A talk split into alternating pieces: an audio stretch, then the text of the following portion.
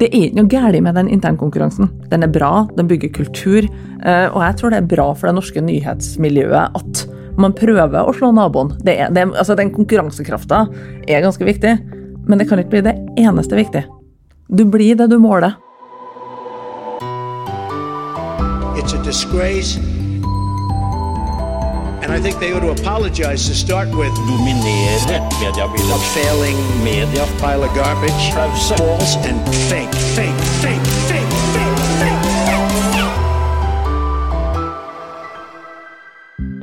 Etter årevis med digitalisering av norsk mediebransje, så pakka Snippeska og dro til bokbransjen. Velkommen til pressepodden fra Medie24, Ingeborg Woland, administrerende direktør i de norske bokklubbene. Tusen takk. Vi, eh, På vei ut av bransjen så kom du med noen velmente råd. Mediebransjen, vi må slutte å krangle oss imellom. Det og masse annet skal vi høre mer om etter noen ord fra våre annonsører.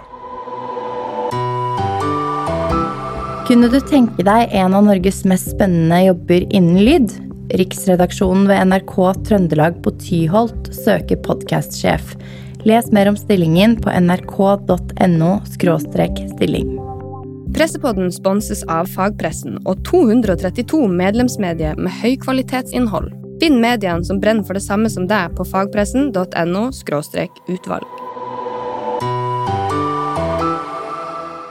Ingeborg, du forlot jobben i Dagens Næringsliv som redaktør for publiser altså publisering og visuell journalistikk.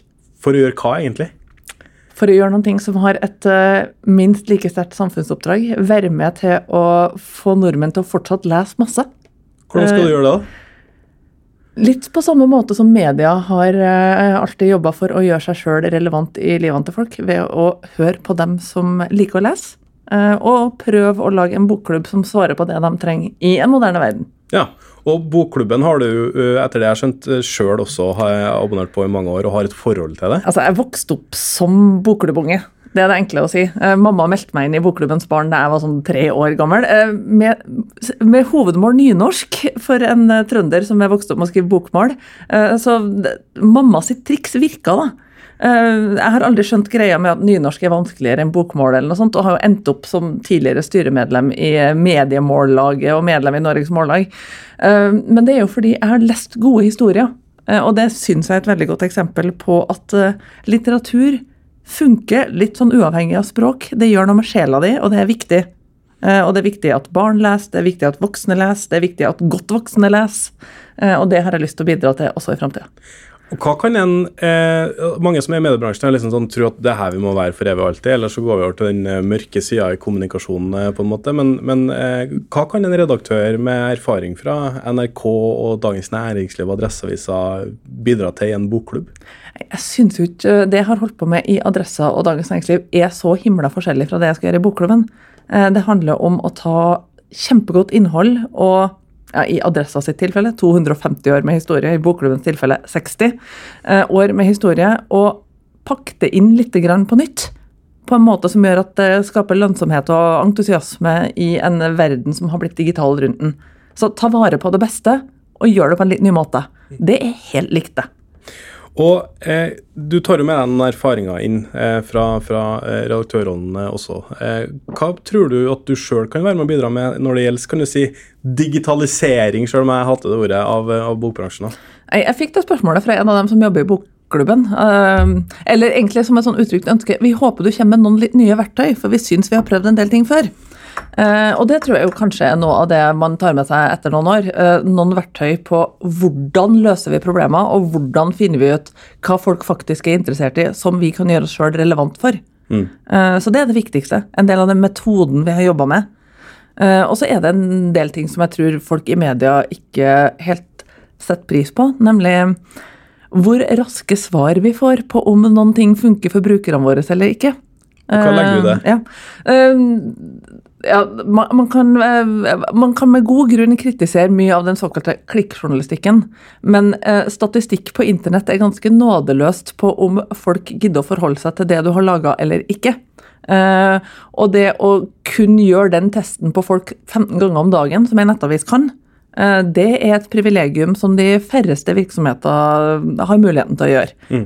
For de færreste er ikke, eh, har ikke så mye innhold og publiserer ikke så ofte, og gjør ikke så mye som får folk til å forholde seg til det liksom, mange ganger om dagen. Eh, Så den frekvensen på oppdateringer og læring som journalistikken gir, den eh, tror ikke helt mediebransjen har skjønt hvor fantastisk er. Er vi litt sånn Jeg tror jo vi som bransje tenker at vi, eh, at vi henger litt etter på en del ting, men ligger vi også kanskje litt foran? Du har jo erfaring både fra kommunikasjonsbransjen, mediebransjen og nå også bokbransjen. Hvordan vil du på en måte rangere mediebransjen? Hvor, hvor er vi hen i teknologiløpet og de mulighetene det gir oss? Nei, på, på en måte så har mediebransjen kommet veldig langt. Uh, og den viktigste måten er at brukervanene er sånn 95% ferdig digitalisert. Det betyr ikke at papiravisa er død, det betyr ikke at papiravisa er et godt, ikke er et godt produkt. Det betyr ikke at folk ikke elsker den. Men når det skjer store hendelser, så er folk på internett, og det har norske medier lært seg å svare på. Der er mediebransjen veldig langt fram, Mm. og har fått mange år med erfaring på endra brukermønster, som resten av verden er i ferd med å liksom stokke bena etter seg. Og så har mediebransjen kommet så langt som potensialet for digitalisering hva skal jeg si, kun tilsi. Det fins masse som er ugjort og uprøvd, men i det store og hele, ja, mediebransjen har kommet et godt stykke. Jeg, vil jo si at du er jo virkelig en av de ressurspersonene i bransjen, og, og snakka også med noen folk som sa liksom sånn nei, å nei, nå skal hun ut herfra. Vi hadde egentlig behov for henne. Du satt jo bl.a. i teknologiutvalget i, i, i Norsk redaktørforening og litt sånne ting. Og, og hva var det dere jobba med der? Hva var det du på en måte lærte av å lede det arbeidet? Nei, Det viktigste jeg gjorde øh, med å øh, lede det arbeidet i Redaktørforeninga, er å tenke over at norske medier er veldig mangfoldige. Eh, og det er veldig fort gjort å tenke at hele norske medier er som VG, Dagens Næringsliv og NRK. Det er det ikke. Eh, så det vi gjorde i det teknologiutvalget, handla veldig mye om å gjøre teknologi forståelig for dem som har innvandra i den verden. Eh, og alle de redaktørene som sitter rundt omkring i små redaksjoner på hvert sitt lille nes og skal prøve å ta gode valg, og prøve å orientere seg eh, i all den teknologiinformasjonen som fins. Det syns jeg var en veldig sånn fin læringsopplevelse. da, Å tenke over at sjøl om vi har VG og Skipsted, store lokomotiver i norsk mediebransje, så er det liksom ikke der veldig mye av den viktigste journalistikken skjer. Men hva er det vi henger etter på, da? Altså, jeg vil jo tro at vi kanskje da noen går foran noen og kommer lengst. sant? Vi har jo hørt historiene om New York Times som kommer fra, fra USA for å lære av skipsstedet og de type tingene der. Og så har du jo små lokalaviser som så vidt er på internett. Jeg husker, jeg bare dra en, en kjapp historie. Jeg holdt et foredrag, jeg skal ikke si hvor, men det var for en haug med lokalavisjournalister. og hvor eh, Spørsmålet var ikke eh, om eh, hvordan nettavisa deres er, spørsmålet var er du på nett. og Det er altså to år siden. Og ganske mange som rakk opp hånda og sa at det ikke var det. Ja, jeg har jo også sittet i det utvalget som var med og innstilt på innovasjonsmidler til mediebransjen hos Medietilsynet, eh, og jeg vet akkurat det. Eh, Det jeg tror vi skal ta inn over oss, at det etter hvert er større strekk i laget internt i norske medier enn det er hva skal jeg si, med norsk mediebransje og resten av verden. Eh, Det beste og mest digitale av norsk mediebransje er best i verden. Har kommet lengst av alt. Det er ingen grunn til at ikke VG, Skipsted, NRK skal være oppe og nikke med det aller beste i hele verden. Men jeg tenker at vi som bransje har et ansvar for å løfte hele bransjen. Og det sitter redaktører rundt omkring og fortsatt ikke er på internett. eh, Og ikke vet hvordan de skal gjøre det, og ikke har råd til å gjøre det. Og ja, Det er en av de store utfordringene til mediebransjen i dag. er at eh, Veldig mye av det man må gjøre, er så kompetansekrevende og så økonomisk krevende at en del av de minste har faktisk ikke den løfteevnen. Det er et felles ansvar. Og så må vi kanskje innrømme at eh, eh, jeg og du er vel kanskje mer evangelister enn en, en noe annet eh, på mange måter. Altså et argument fra kan du si lokalavis, papiravisverdenen er jo at vi tjener gode penger på det og slipper å være i konkurranse med Facebook og Google og, og, og den type ting. Og, og enn så lenge så funker jo det ganske greit, ikke det? Ja, det er kjempebra. Spørsmålet er hva som skjer når folk ikke orker å forholde seg til det produktet du lager lenger. Og det er der man risikerer å bli blind. Hvis det eneste du ser på er 'vi tjener greit med penger'. Eh, det andre spørsmålet er 'er det noen som bruker det vi lager'? Eh, Du må svare på ja på begge de spørsmålene for å kunne slappe av. Eh, Og hvis du ikke kan svare ja på spørsmålet 'blir vi brukt av dem vi har lyst til at skal bruke oss', da har du noen utfordringer. Og så er Det jo sånn at eh, det finnes jo lokalaviser som er langt der framme også, og som virkelig er oppe og puncher og, og, og vinner jo nasjonale kåringer her i Norge, og både på journalistikk og teknologi og de type tingene der. Så nå høres det ut som at det er et A- og et B-lag her, men det er det ikke. Nei, altså, men det, en del handler om om du har et stort konsern i ryggen eller ikke. Eh, og jeg skulle jo ønske at det er mulig å være en god aktør i Norge i dag, eller starte opp noe nytt i dag, uten å være en del av de store konsernene. Ikke fordi det er noe gærent med de store konsernene, de gjør veldig mye bra, men for at det må ikke være den eneste veien til god journalistikk.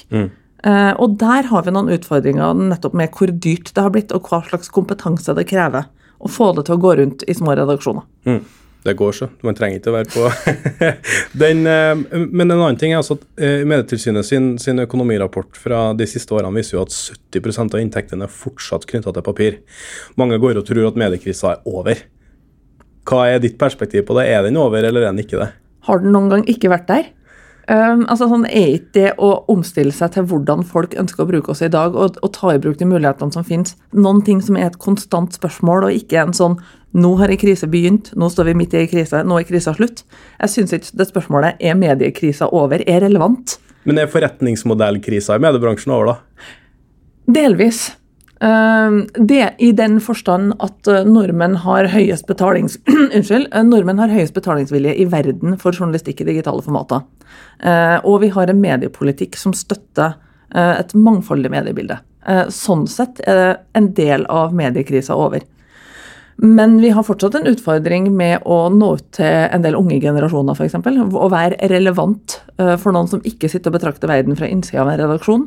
Eller å være i formidlingsformater og kommunikasjonsformer som oppleves nyttig og tiltrekkende for dem som ikke har vokst opp med å forholde seg til Dagsrevyen eller VG. For er det jo en ting vi eh, som, som, mennesker gjør Jeg ser jo f.eks. nye formater som kommer. Sant? Vi snakker om nye formater når det gjelder TikTok, selv om det er et ganske gammelt medie allerede eh, og- og kommer fra noe annet. Men den fortellermetoden Jeg merker jo sjøl, jeg tør jo nesten ikke å si det, men jeg sitter jo timevis med TikTok. Eh, Og det formatet, Men det finnes jo ikke på norsk. Hvorfor er det ingen som på en måte, hvorfor blir vi så reaktive hele tida? Vi har jo verdens mest avislesende folk, og vi har teknologi, vi har penger, vi har konserner i ryggen, og vi har utviklere. og alt det der. Hvorfor, hvorfor kommer ikke det fra Norge? Jeg syns veldig mye kommer fra Norge. Uh, så jeg syns ikke det bildet er fullt så svart-hvitt som du skisserer der. Um, Jeg prøver å provosere deg. Ja, liksom. jeg, jeg, jeg er vanskelig å provosere på akkurat det her, altså, fordi jeg syns norske medier skal ha ganske god sjøltillit. Um, fordi det har kommet i form av Rådebank og Skam og andre typer medieformater som f.eks. allmennkringkasteren NRK har utvikla og delt med resten av bransjen. Um, og så tar man det videre og utvikler nyhetsformater på Snapchat og TikTok og hva det, måtte, hva det nå måtte være. Um, det som jeg syns vi skal ta med oss og tenke litt over, eh, er det her behovet for å bli valgt. Da jeg begynte i NRK i 2013, så husker jeg det gjorde et veldig inntrykk på meg noen ting eh, Tor Emund Eriksen sa, om at eh, innholdet har ingen verdi hvis det ikke, blir, hvis det ikke når ut til noen. Altså, Journalistikk som ikke blir brukt, har ikke gjort jobben sin. Eh, Og journalistikk som ikke blir brukt av de folka som burde ha brukt det, det virker ikke. Mm. Så det største problemet, sånn som jeg ser det i dag, er de gruppene som ikke bruker nyheter.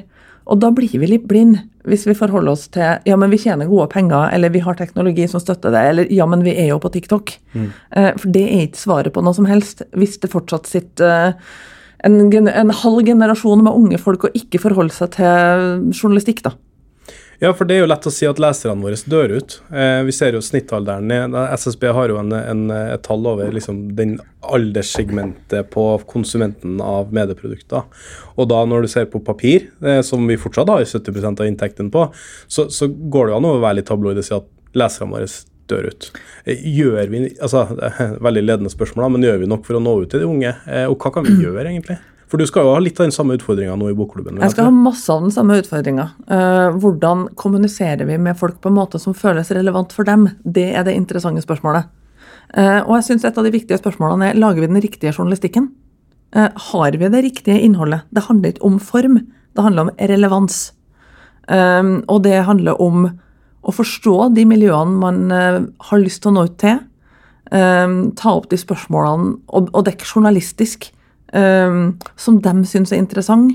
Og ikke gå rundt og tro at eh, referat fra fylkestingsmøtet er så interessant at alle kommer til å oppta, øh, oppleve det uansett, liksom. Men hvis jeg hadde vært eh, lokalavisjournalist og jobba her i 40 år, og du hadde sagt det, så hadde jeg vært sånn Ja, men det er jo samfunnsoppdraget, det er jo dette vi skal være gode på, og alle de tingene der. Hva ville du sagt da? At hvis, det, igjen, hvis journalistikken ikke blir brukt, så virker den. Det kan godt være at vi skal dekke fylkestinget, men da må vi gjøre det på den måten som virker. Men hva er det vi som, eh, vi som redaktører må, må på en måte stille oss sjøl? Eh, altså, eh, en ting er jo eh, er jeg fit for å lede denne redaksjonen inn i framtida, på en måte. Men hva kan vi gjøre med det her? Altså, vi som ser at det går bra med papiravisa, den er fortsatt ok, alle de tingene der. Eh, men, men kanskje på sikt så er det noen utfordringer. Hva kan vi gjøre, egentlig? Det er jo det beste utgangspunktet for å forandre noen ting før det er krise. Eh, Og det er en av de tingene jeg håper folk i mediebransjen tar med seg. Eh, Det å ha økonomisk bæreevne til å gjøre ting du ikke vet hvordan du skal gjøre, det er en luksus. Den er ikke alle som har.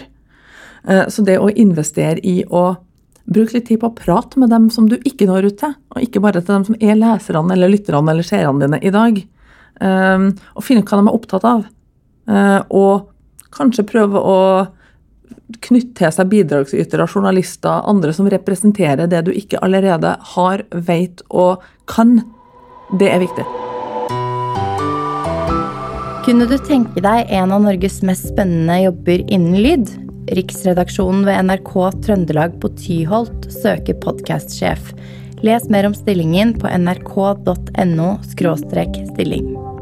Pressepodden sponses av fagpressen og 232 medlemsmedier med høykvalitetsinnhold. Finn mediene som brenner for det samme som deg på fagpressen.no utvalg.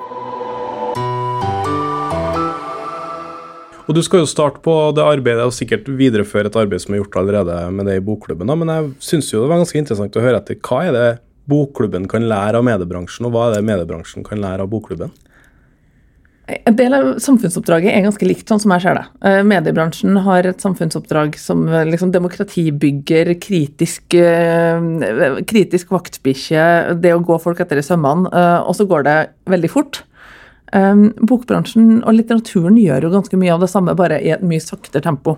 Altså, god litteratur flytter fjell. De lange linjene, på en måte. Ja, og de viktige historiene, eh, og de tingene som faktisk gjør inntrykk i sjela di, der hvor en eh, nyhetsstory er borte etter et kvarter. Um, og, og, det å få folk til å fortsatt lese, uh, i en verden hvor i hvert fall jeg sliter med å holde på konsentrasjonen i mer enn ti minutter, og plutselig blir avbrutt av et push-varsel på telefonen mens jeg egentlig har lyst til å lese ei bok, eh, det er ei utfordring som er lik for media og bokbransjen. Altså, hvordan tar vi konsentrasjonen tilbake? Mm. Og hvordan gjør vi oss relevant for dem vi har lyst til at skal bruke oss? Men klarer vi å ta tilbake konsentrasjonen? Altså, jeg vet jo, jeg er jo et nyhetsdyr, og jeg vet at du egentlig er det også. Eh, hvordan er det for deg nå? Altså, klarer du å skru av push-varslene og nyhetene og alle tingene der og sette ned med boka, eller er den tida forbi, liksom? Nei, eh, vi kan ikke mene at den tida er forbi. Da har vi som samfunn feila. Eh, For det er ikke et enten-eller-bilde. Vi har et fantastisk nyhetsbilde. Det er mulig å være 100% oppdatert. Det er en luksus. Det er bra. Eh, Men så skal jeg hilse fra utsida av mediebransjen og si den der kampen om hvem vant den pushen, eller hvem hadde saken først, eller eh, eh, Ja, men herlighet, det der skjedde jo for 20 minutter, det har jo alle fått med seg. Det er ikke helt relevant for den største delen av, av den norske befolkninga. Um, så jeg tror vi av og til skal ta et skritt tilbake og si hva er de opptatt av, dem som skal bruke oss? Er det viktig det vi holder med? Er det her faktisk det, faktisk det mest interessante? Um, og det er en sånn intern logikk i mediebransjen som jeg har lyst til å utfordre litt på akkurat det. Altså nettopp det at det går ikke fort, og er ikke vi først, så har ikke vi lyktes. Um, jeg har jo tatt meg sjøl i at det kan gå åtte-ni timer uten at jeg har sjekka en nyhet. Eh, og jeg er et nyhetsdyr. Eh, men i det øyeblikket du ikke er en del av det hamsterhjulet, eh, så- så begynner du å skjønne litt Å ja, er det sånn det er? Og ikke være så påkobla. og da skjønner du òg hvor lett det er å miste overblikket over hva som har skjedd i dag, og hva som er viktig. Og hvor viktig den potensielle rollen til journalistene som kurator, oppsummering, perspektiv er. Så det er jo en av de tingene jeg kjenner at Kanskje er bokbransjen og andre litt flinke på å ta det litt mer med ro. og så har jeg lyst til å ta litt av farta fra mediebransjen inn i det. Eh, alle bransjer er nødt til å utvikle seg fortere og ta i bruk ny teknologi mer og teste mer og finne ut mer fortere enn før. Der har mediebransjen kommet langt, fordi at det er en bransje som i sin natur går så fort. Men mediebransjen trenger òg å av og til stikke fingeren i jorda og si det vi fighter om oss imellom, det, er der hvor vi liksom har lyst til å slå naboen, og hvor Dagbladet har lyst til å slå VG, som har lyst til å slå DN, det er kanskje ikke det som er aller aller viktigst for dem som bruker den journalistikken. Er det her litt sånn eh, ja, Med mangelen på, på mer sømmelig ord, litt sånn internrunking i bransjen, på en måte? At vi er liksom sånn her Ha-ha, vi tok dere med to minutter. Altså, jeg, jeg opplever jo eh, en avis i Akersgata som, som, som blir litt sånn mobba av nyhetsjournalister andre steder fordi at man pusher alltid fem minutter etter alle andre, på en måte. Eh, og, og ja, Jeg kan bare si at det er Aftenposten. Eh, men, men Aftenposten svarer jo med å si at ja, men vi vil sjekke at det er riktig. Eh, men den femminutteren altså, det handler ikke litt om at hvis du ikke har publikum, så har du tapt òg, da? Ja, men de fleste forholder seg ikke til push-varsel. Og det er en viktig ting som folk i mediebransjen trenger å tenke på. Eh, 75% av brukerne dine har ikke den pushen. Eh, og kanskje 35% av dem igjen har definitivt ikke pushen til konkurrenten hvis de har din. Eh, så for hver enkelt så kan det være første møte med nyheten. Høyst sannsynlig er det det. Um, og det syns jeg òg er litt viktig. Um, det er ikke noe galt med den internkonkurransen. Den er bra, den bygger kultur. Uh, og jeg tror det er bra for det norske nyhetsmiljøet at man prøver å slå naboen. Det er, det, altså Den konkurransekrafta er ganske viktig, men det kan ikke bli det eneste viktig. Du blir det du måler. Eh, og jeg har jobba veldig mye med statistikk og analyse i mediebransjen. Måler du feil parameter, så blir det noe du ikke har lyst til å bli. Uh, så det handler om å finne balansen mellom fart og viktighet. Er sidevisninga det viktigste, så blir klikket det viktigste? Og, altså sånne type ting. Så Ja, altså, du, du blir det du måler. Eh, og, og, og nettopp hvis sidevisninga er det eneste du måler deg på, da er det det du kommer til å produsere, og da blir det viralhits. Som i seg sjøl ikke er noe gærent. Det er en helt legitim strategi, men du skal vite at det er det du gjør. Uh, og skal du f.eks. bygge en abonnementsmodell, så trenger du andre parameter. Og så kan man gjøre begge deler òg. Ja, og, og, og, så er- handler det om å liksom vite at du skrur på noen spaker. Eller altså at du dytter på noen ulike spaker og finner den riktige miksen for ditt mediehus. Og det er et redaktøransvar, og det er et eieransvar å vite hvordan skaper vi verdi. Eh, og bærekraft kommer jo i det å skape verdi for de riktige brukerne og tjene penger på det. Eh, Ingeborg, da du eh, på vei ut av bransjen, så, du- så kom du med et velment råd, og da sa du, sitat i Medie24, da, jeg tror norsk mediebransje er veldig godt rigga for å ta neste steg i den digitale utviklinga. Min eneste oppfordring er at bransjen må ikke bruke så mye intern tid på å krangle seg mellom om rammevilkår og støtteordninger. Hva, hva legger du i det? Hva betyr det? At den største, eh, si, den største konkurrenten sitter ikke i Norge. Og det opplever jeg av og til i mediebransjen, og sikkert i alle andre bransjer. Nå er jeg ganske fersk ut av mediebransjen, jeg har ikke rukket å kjenne etter hvordan det er i bokbransjen. Det er sikkert sånn der òg. For nå er det fire måneder siden du Tre. Tre ja, måneder. Tre måneder. Ja. Um, og det å tenke over eh, Liker vi at NRK er finansiert over statsbudsjettet, eller liker vi at konkurrenten er kjempetabloid, eller uh, liker vi at dem og dem har den nyheten bak uh, betalingsmur, som er et fryktelig ord, og, og noen andre har sitert den gratis. Um, Forbeholdt abonnenter, har jeg lært ja, at det heter. jeg liker det begrepet veldig mye bedre. Altså, det, det- er innhold som er for deg som har betalt for det. Men det er ganske små diskusjoner i det store bildet uh, når det handler om uh, har konkurrenten vår betalt skatt. Eh, har noen andre bestemt hva som når ut til brukerne våre? Har noen fjerna en pupp fordi det er puritansk i California? Eh, det er mye større og viktige spørsmål. Og av og til så får jeg den følelsen at vi, vi har det litt for godt når vi har tida til å krangle så mye med hverandre. Har du opplevd noen ting som på en måte understreker oss i møte med det internasjonale om hvor vi på en måte står? Det viktigste er jo at uh, det er ganske vanskelig å få snakka med dem som faktisk bestemmer her i verden. Uh, til og med våre egne myndigheter har trøbbel med å få snakka med Facebook, Amazon, Microsoft, Google, Apple. Um, og det syns jeg jo er paradoksalt, fordi verden styres etter hvert av en del selskaper som ikke forholder seg til landegrenser eller nasjonal lovgivning, mens den nasjonale lovgivninga har noen utfordringer med å ta tak i det. Mm. Nå syns jeg det skjer interessante ting i norsk politikk på dette feltet nå. Eh, Det har tatt veldig lang tid, og der tror jeg mediebransjen har gjort for lite i å dytte på i hva som er viktig å regulere, og ikke. Jeg, jeg tror, eh, Der tror ikke jeg at jeg er uenig med deg, på noen måte, men én ting som måte, som alltid har vært eh, sånn rådende i diskusjonen om Google og Facebook, og sånn, er at mediene har jo alltid klaga på eh, rammevilkårene, de, de type tingene der. Det de ikke har gjort noe med, er å skape et bedre produkt enn det. Det er vårt ansvar. Ja, for vi går og krangler, altså De stikker av med annonsepengene våre. så alle de tingene der. Ja, Har du en selvbetjent løsning som, hvor du kan til enhver tid legge på mer eller mindre penger og distribuere målgrupper, de type tingene der. Nå begynner det å komme, da. Amedia har nettopp lansert en løsning. Schibsted har jo AppNexus og programmatisk og det, de type tingene der, men det har jo tatt 15 år. Ja, og Det med brukervennlighet tror jeg er det store spørsmålet for alle bransjer for de neste ti årene. Hvordan lager vi noen ting som er så godt at folk velger det framfor noe annet? Fordi folk har mer enn nok journalistikk, mer enn nok bøker, mer enn nok filmer, mer enn nok av alt å velge i. Kampen handler om å bli valgt. Og det handler om innholdet og om brukervennlighet. Men vi er, i Norge så vi krangler litt likevel, vet du. Vi må, vi må det. Men en ting som jeg lurer på, hvorfor i all verden er ikke vi gjør noe med, og det er eh, felles innlogging. Er det der krangelen skal ligge? Etter, etter, skal ikke vi bare ha en felles innlogging, og så kan folk sjøl sitte med sine egne brukerdata, men at eh, så slipper vi å på en måte at noen andre kommer og tar over. Eh, ja. Jeg tror det har vært en fin ting. Eh, Jeg skulle ønske at mediebransjen kommer lenger på det. Fordi at vi kan godt si at det at A-media har et pluss alt-abonnement som gir deg tilgang til 18 aviser, er kjempebra, og det er det. Eh, Det er banebrytende i verden. Men det er fortsatt ikke så brukervennlig som det kan bli. Eh, Og det fins en del fartshumper mellom brukere og journalistikk som kanskje ikke egentlig trenger å være der. Um, Men det handler jo òg om at man er nødt til å ha litt større visjon enn egen bunnlinje og eget konsern. Og så lenge man konkurrerer så mye, så er det kanskje ganske vanskelig. Har vi litt sånn visjonløse konsernsjefer, på en måte? Ja. Det vil ikke jeg si, og det vil jeg ikke bli sitert på. Eh, For Er det én ting jeg faktisk syns at vi har lyktes ganske godt med i Norge, så er det å ha visjoner på journalistikkens vegne. Eh, Det jeg håper at vi kanskje som Eller dere, kanskje, som bransje kan ta litt mer til, eh, er å ha ambisjoner på brukervennlighetens vegne. eh, Og på forbrukerne sin vegne.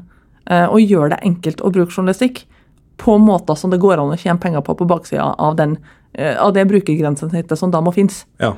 Nå, nå har jeg jobba med dette her i, i, og sett på mediebransjen eh, i snart sju år. Eh, har hørt diskusjoner om det her i sju år. Aldri skjedd noe som helst. Tror vi at det kommer til å skje. Nei, og jeg tror det er vanskelig.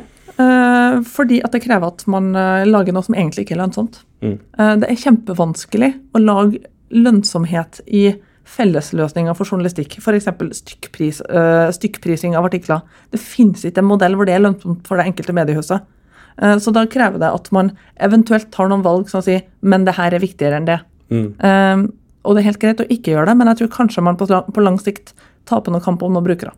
Ja, for det er jo et veldig godt brukerperspektiv å, å kjøre en Spotify-løsning hvor du kan ditt og datten og sånn, på brukerens premiss, men det kommer litt til å skje. Altså, Vi har vel sett alle de eh, eksemplene på de selskapene som har prøvd det, og få det til, har jo mislyktes. Nei, og det er jo fordi at vi går rundt og tenker at eh, journalistikk er det samme som musikk, og det er det ikke. Journalistikk er dagsaktuelt, eh, mens back-katalogen til Neil Young åpenbart har verdi. Eh, eh, Mens det, det, den verdien har ikke arkivet av disse eh, sånn at det er mange som sitter og bruker den.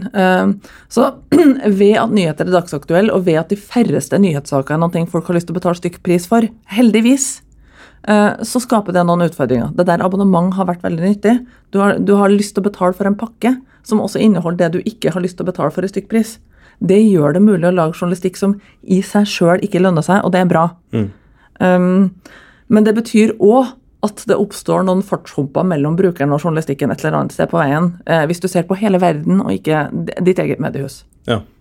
Ingeborg, du har sittet i World Editor Forum, um, og journalistikken fikk jo Nobels eh, fredspris, og norske redaktører de gleder seg på vegne av sine kolleger. Hvilket ansvar har vi for å vise eh, solidaritet og, og bidra til økt eh, pressefrihet i verden? Det syns jeg er kjempestort. Eh, og vi skal tenke over at vi har råd til å hjelpe andre. eh, og at eh, vi har utrolig gode forutsetninger for å drive journalistikk i Norge. Altså Det er verdens beste land å være journalist i. Du kan gå på jobben og ikke være redd for å bli skutt, stort sett. Det er en luksus du ikke får i veldig mange andre land. Det, altså det ansvaret og det bidraget jeg, jeg tror ikke det er viktig at vi går rundt og kjenner på det hver dag, men vi skal være klar over hvor privilegerte vi er. Eh, og vi skal prøve å bruke så mye ressurser vi kan som bransje og politisk kapital eh, til å hjelpe andre til å få de vilkårene vi har, eller så nær som du kan det. Altså, jeg kommer aldri til å glemme det å sitte i styremøte i World Editors Forum med alt fra danske og finske kollegaer til redaktører fra India, eh, Singapore, Brasil, Tyrkia og Russland. Og så sitter jeg der og, sammen med en dansk kollega når det kommer liksom runden rundt bordet, og hvordan er det egentlig hos dere? Og jeg sier ja, nei, vi har det egentlig ganske bra, da, men, eh, og folk bruker det vi gjør, og vi har kommet ganske langt på internett, men avispapir har blitt litt dyrt, da. Og så sitter du, og så to meter lenger ned ved bordet så sitter en brasiliansk eh, redaktør og sier jeg er litt redd for at reporterne mine skal bli skutt. eh, det setter livet ditt litt i perspektiv. Og det Jeg tror ikke det er bra for norsk journalistikk at vi går rundt og tenker på det hele tida, men jeg syns vi har et ansvar for å prøve å påvirke det og hjelpe det der vi kan. Et godt avsluttende råd der fra Ingeborg Woland. Tusen takk for at du stilte opp i Pressepodden.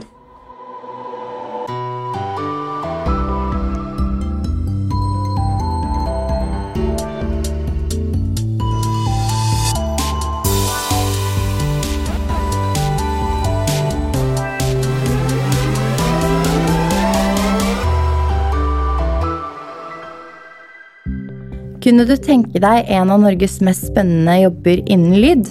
Riksredaksjonen ved NRK Trøndelag på Tyholt søker podkastsjef. Les mer om stillingen på nrk.no stilling. Pressepodden sponses av fagpressen og 232 medlemsmedier med høykvalitetsinnhold. Finn mediene som brenner for det samme som deg på fagpressen.no utvalg.